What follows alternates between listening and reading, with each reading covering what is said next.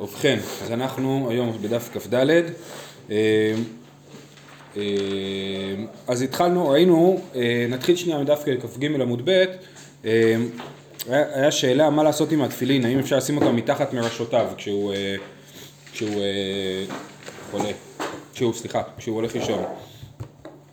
אז סליחה. אז אה, אמרנו שהלכה אה, כשמואל ש, אה, שאומר שאפשר לשים את זה מתחת ראשותיו, אומרת הגמרא מאי תימה, למרות שטיובתא לשמואל הלכה כשמואל, מאי תימה כל לנטורין ותפי עדיף, היא גם לכ"ד עמוד א' למעלה. עדיף לשמור את זה יותר, כן? וכמו שהוזכר פה אתמול, הפני יהושע מסביר איך זה יכול להיות ששמואל הולך נגד ברייתא, אלא פני יהושע סומך על הברייתא שראינו אתמול, שפסקנו שעדיף להיכנס עם תפילין לבית הכיסא ביד אה, אה, במקום לשים את זה בחורים, בגלל שבחורים זה היה נאכל על ידי העכברים. מוכח מהברייתא שיותר חשוב לשמור על התפילין מאשר לשמור על קדושת התפילין, כן? אז, אז על זה אנחנו, על זה שמח שמואל כשהוא פסק אה, את ההלכה ככה. אה, ואיך המנח להו? אז איפה הוא מניח את זה בדיוק מראשותיו? אמר בירמיה בן קר לכסת שלא כנגד ראשו. אה, לפי הרב הדין, אז הקר זה המזרון והכסת זה הכרית, ככה הוא מסביר. אה, אז ניסים זה בין, בין המזרון לכרית, שלא כנגד ראשו, זאת אומרת לא מתחת לראש. שואלת הגמרא, ועתני רבי חייא מניחן בכובע תחת מראשותיו, כן, כתוב לשים אותם בתוך כובע, כובע הכוונה היא שוב לאיזשהו תיק של תפילין, תחת מראשותיו, אז למה אתה אומר שלא להניח את זה כנגד ראשו? כתוב שתחת מראשותיו? תשובה, דמפיק לי למורשה דכובע לבר. זאת אומרת, יש את הכיס של התפילין, יש לו את החלק הבולט עם התפילין בפנים, ואת הפה שלו שהוא לא בולט, כן? אז את הפה אתה שם מתחת לכרית, שאי אפשר, ש, שכאילו הראש שלך עם, לא ייתן לשום דבר להיכנס, והתפילין, הבליטה שלהם מחוץ לראש. וזה גם מה שכתוב פה, שלא כנגד ראשו. אה, בר כפרה צייר, צייר להוא בחילתא, ומפיק למורשהון לבר. הוא אה, עטף אותם בתוך הקהילה של המיטה, ואת הבליטה הוא כיוון כלפי חוץ ולא כלפי פנים, של ה... לא, לא, הפוך מכיוון המיטה, כן. אה, רב שישא ברדי רב אידי מנח להו אשר שיפה, על השפרף, כן, הספסל, ופרי סודרי לוויו, כן, היה לו מין שידה כזאת. איפה הם חיו? לא היה להם עדפים, משהו? לא, היה מעט מאוד. לא, לא היה להם בגדים, מה היה להם? שתי זוגות בגדים כאילו, הם לא צריכים אה, ארון. כן. מה נחלו אשר שיבה ופרי סודרי לוויו. אמר רבי נונה ברדי רבי יוסף, זימנה חדה, פעם אחת, אבא קאים לקמי דרבה, עמדתי לפני רבה, ואמר לי, זיל הייתי לי תפילין, לך תביא לי את התפילין שלי. והשכחתינו בין קר לכסת שלא כנגד ראשו, מצאתי את התפילין שנמצאים בין קר לכסת שלא כנגד ראשו, כמו שאמר רבי ירמיה מקודם, והווה ידענה ליום טבילה אהבה, וידעתי שבלילה לפני אשתו טבלה, וממילא, כן, וממילא מה זה אומר? זה אומר שהוא ידע ש, אה, אה, שהם הלילה הם היו ביחד ולמרות זאת התפילין היו שם אה, בין קר לכסת, כן? ולאגמורן הלכה למעשה הוא דאבד. למה הוא שלח אותי להביא את התפילין ולא יכל להביא אותם לבד? הוא רצה שאני אראה שהתפילין שלו שם למרות שהם בלילה הוא היה עם אשתו. כן? מה עם עכשיו, באופן כללי העניין הזה של לא לדעת מתי אישה טובלת וכולי זה דבר חדש בגמרא ובהלכה ברור שאישה יש בגדי נידה, זאת אומרת שהיא הולכת עם בגדים מסוימים כשהיא נידה וכל השכנות יודעות שהיא נידה, זאת אומרת זה דבר מאוד ברור לכולם. זה רב כהנא נכנס תחת נידה של רב, כן. רבי יוחנן היה יושב במקווה בשערי תפילה. הוא יכול להודיע לכולם מתי... אה, כן. אבל העניין הזה שהיום נמנעים לדבר על מתי הטבילה, זה דבר חדש. דווקא יש פה משהו צנוע, במקום להגיד לו את ההלכה, הוא אומר לו, כן. גורם לו להבין משהו. נכון. אמ, באי מיני רב יוסף ברדר רב נחוניה מרב יהודה. שניים שישנים במיטה אחת. מהו שזה יחזיר פניו ויקרא קריאת שמע וזה יחזיר פניו ויקרא קריאת שמע. אז הם היו ישנים בלי בגדים, כן? אז שניים שישנים באותה מיטה, אז האם, הם, האם זה מספיק שכל אחד מסתובב עם הגב לשני או לא? אמ, אמר לי, אחי אמר שמואל, ואפילו אשתו עמו, כן? שמותר לקרוא קריאת שמע אפילו אם זה אשתו במיטה. מה התקיף לרב יוסף אשתו ולא מבעיה אחר, אדרבה אשתו כגופו, הפוך, אשתו זה הכי פשוט שהוא יכול לקרוא את הקריאת שמע, כן, דווקא עם אחר, כן, דווקא עם אחר זה לא פשוט, בעצם הם נחלקים, שמואל חושב שאפשר לקרוא קריאת שמע עם כל אחד במיטה, ורב יוסף חושב שרק עם אשתו במיטה. אה, אחר לאו כגופו, מי טבעי, שניים שישנים במיטה אחת, זה מחזיר פניו וקורא, וזה מחזיר פניו וקורא. זה, אה, על מי זה קשה? ותניא אחריתי, הישן במיטה ובניו ובני ביתו בצידו, הרי זה לא יקרא קריאת שמע, אלא אם כן הייתה טלית מפסקת ביניהם, ואם היו בניו ובני ביתו קטנים, מותר. זאת אומרת, יש לנו פה שתי ברייתות, ברייתה אחת שאומרת ששניים ישנים במיטה מותר, כל אחד להחזיר פניו ולקרוא, והברייתה השנייה אומרת שצריך טלית מפסקת ביניהם. אז מה היחס בין שתי הברייתות האלה? בישלמה לרב יוסף לא קשיא, הא באשתו והא באחר. אז כשכתוב שניים שהיו במיטה, אחרי זה מחזיר פניו וקורא, זה מדבר על אשתו. זה לא שת, סתם שתיים, זה אשתו. עם אשתו הוא לא צריך הפסקה. אבל אפילו עם בני ביתו הגדולים, זאת אומרת הילדים הגדולים שלו שישנים איתו במיטה, אז כן צריך להפסיק עם טלית מפסקת. אלא לשמואל קשיא, אז קשה לשמואל, כי אם- איך הוא יסביר, הרי שמואל חושב שעם כל אחד אפשר להסתובב ולקרוא. אמר לך שמואל לרב יוסף מניחא, והתניא היה ישן במיטה ובניו ובני ביתו במיטה לא יקרא קריאת שמע אלא אם כן הייתה תהילתו מפסקת ביניהם. הוא אומר הנה יש פה עוד ברייתא ולפי תוספות הברייתא הזאת היא עוד יותר דרמטית, היא אומרת אה, אה, תסתכלו בתוספות והתניא בשלוש שורות מלמטה, אומר, ואומר הרב, י- הרב רבי יוסף דגרסינן, היה ישן במיטה ואשתו ישנה בצידו, לא יחזיר פניו ויקרא, אלא אם כן הייתה טלית מפסקת בינו לבינה. ככה שמואל, ככה הגרסה של תוספות לברייתא הזאת. בכל אופן, אז אנחנו רואים מהברייתא הזאת, שאפילו עם אשתו הוא צריך טלית מפסקת. ומקודם אמרנו ששניים שהיינו, שהיו ישנים במיטה לא צריך טלית מפסקת. אז אומר שמואל, אלא מה חייבים להגיד? חייבים להגיד שיש פה מחלוקת תנאים האם שתיים שנמצאים במיטה ביחד צריכים טלית מפסקת ביניהם או לא. ושמואל לשיטתו שחושב שאין הבדל בין אשתו לבין סתם שניים, כן? אז שמואל אומר, תקשיב- תקשיבו, יש פה מחלוקת עקרונית לכל האורך, האם צריך לו טלית מפסקת או לא, ואני פוסק שלא צריך. ורב יוסף, הוא יכול להעמיד את הברייתות ולהגיד, באשתו לא צריך, באנשים אחרים כן צריך, ויש ברייתא שחולקת וחושבת שגם באשתו צריך, אוקיי? אז זה מה שהוא אומר פה. הוא אומר, אה, אה, אלא מה איתך למימר אשתו לרב יוסף תנאי היא, כן, לרב יוסף יש מחלוקת תנאים לגבי אשתו, לדידי נמי תנאי היא לא רק באשתו אלא בכולם, בסדר? אז זה ה... זה, אז, אז שוב, המחלוקת ביניהם, האם בשאר העולם, חוץ מאשתו, צריך טלית מפסקת ביניהם כשקוראים שמע. תכף נראה מה, אה, מה לגבי ההלכה בעניין. אמר אמר, זה מחזיר פניו וקורא קריאת שמע. והאיכא אגבות, הרי הם נוגעים מאחורה בישבן, כן? מסייע לי לרב הונא, אה, דאמר רב הונא, אגבות אין בהם משום ערווה. מזה מוכח שהאגבות זה, אין בזה, זה, אין בזה בעיה של ערווה. ערווה במובן הזה, ונראה את המושג הזה הרבה בדף, ערווה במובן הזה של משהו שאסור לקרוא קריאת שמע ככה, כן?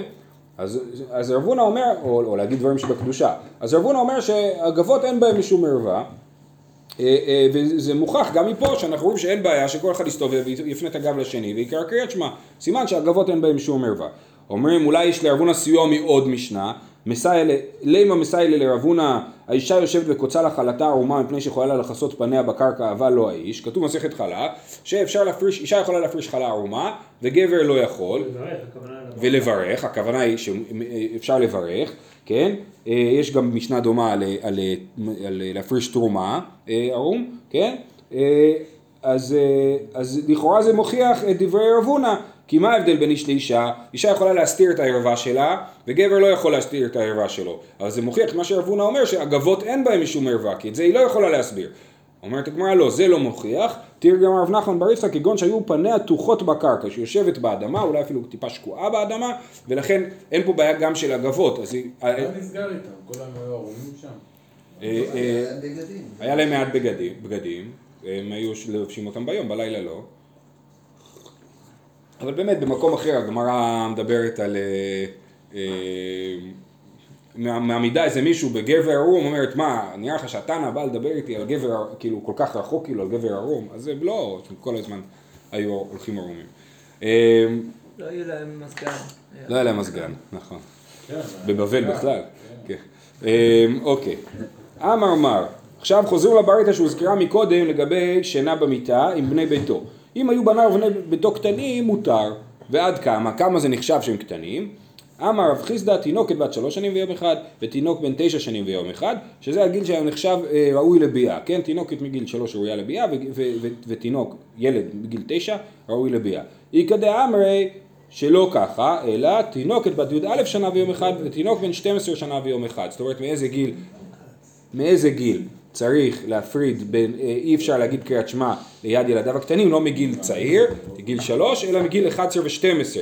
אידי ואידי, עד כדי שדיים נכונו ושערך צומח, זאת אומרת זה הגיל של תחילת ההתפתחות המינית, ולכן אז צריך אה, אה, אה, להפריד, להפריד בזמן קריאת שמע. אה, אה, לפי הרמב"ם זה תנאי נוסף, זה לא, זה לא, תנאי, זה לא מסביר, זה תנאי נוסף, זאת אומרת. כן, זאת אומרת, גיל 11 ו-12, אם התחילו להתפתח, כן? לא, לא, לא בכל אופן. ואז לא, אז מה? אז מותר, מותר, השאלה היא לגבי, אם לא התחיל להתפתח, זה עוד מתי? כל עוד לא התחילו להתפתח, לכאורה. לא, עד שהתפתחו. עד מה מוסיף. לי 11 ו-12? לא, זה היה כבר מצווה. שלפני 11 ו-12 אז זה מותר בכל אופן. אבל גם אם לא התפתח, לפי הרמב"ם. נכון, לא, כי יש גיל יש פה שתי, יש פה, לדעת הרמב"ם, מה אין נתן דבר לי כזה גיל בר הגילאים? מצווה. הגילאים שמתחת לגיל הזה, אם התחילו להתפתח, מותר. בסדר? המינימום זה שניהם ביחד, כאילו. לגבי השאלה אם, לכאורה אם בגיל בר מצווה יהיה צריך הפרדה, יכול להיות. אני לא יודע מה הרמב"ם חושב לא על זה. נכון, הוא לא קטן. אה, כן, נכון. השאלה אם יש בכלל בר מצווה פה. אוקיי, אמר לרב כהנא לרב אשי. עכשיו אנחנו חוזרים לשאול מה ההלכה. אטם אמר רבא אף על גב דתיובתא דשמואל הלכה כבתי דשמואל. בתחילת העמוד ראינו שלעניין הנחת תפילין מתחת לראש, אף על פי ששמואל הוקשה מברייתא. אנחנו פוסקים הלכה כשמואל. החמאי, כאן לגבי הדיון של שמואל ורב יוסף, לגבי צריך הפרדה בין, אה, אה, בינו לבין שאר האנשים כשהוא קורא קריאת שמע. מאי? אמר לי, אטו כולו בחד אמחתא מחתינו? מה זה כולם דבר אחד הם? זה לא דבר אחד, יש ביניהם הבדל. זה, זה שפסקתי כשמואל בדבר הזה, זה בכלל לא קשור לזה, לשאלה אם אני פוסק כשמואל בדבר הזה. אלא איכא דאיתמר איתמר, ואיכא דלא איתמר, לא איתמר. בסדר? אז זה לכאורה, לכאורה נפסקת הלכה כרב יוסף, שלאשתו, אשתו כגופו, אבל שאר האנשים אה, אה, צריך הפרדה, זאת אומרת גדולים, צריך הפרדה אה, של טלית מפסקת, אה, אה, שתכף נראה שזה קצת משונה אה, לאור מה שיהיה בהמשך הגמרא. אמר לרב מרי לרב פאפא, שיער יוצאת בבגדו מהו? קרעי עלי שיער שיער. מדובר פה על שיער הערווה, כן? האם, השיער, האם רק השיער שהוא לא איבר המין בעצמו, אלא רק השיער, האם הוא נחשב לערווה שאסור לקרוא כנגדו קריאת שמע? אומר לו זה לא, זה סתם שיער. אמר רב יצחק, זה אה, משפטים מפורסמים. טפח באישה ערווה, כן?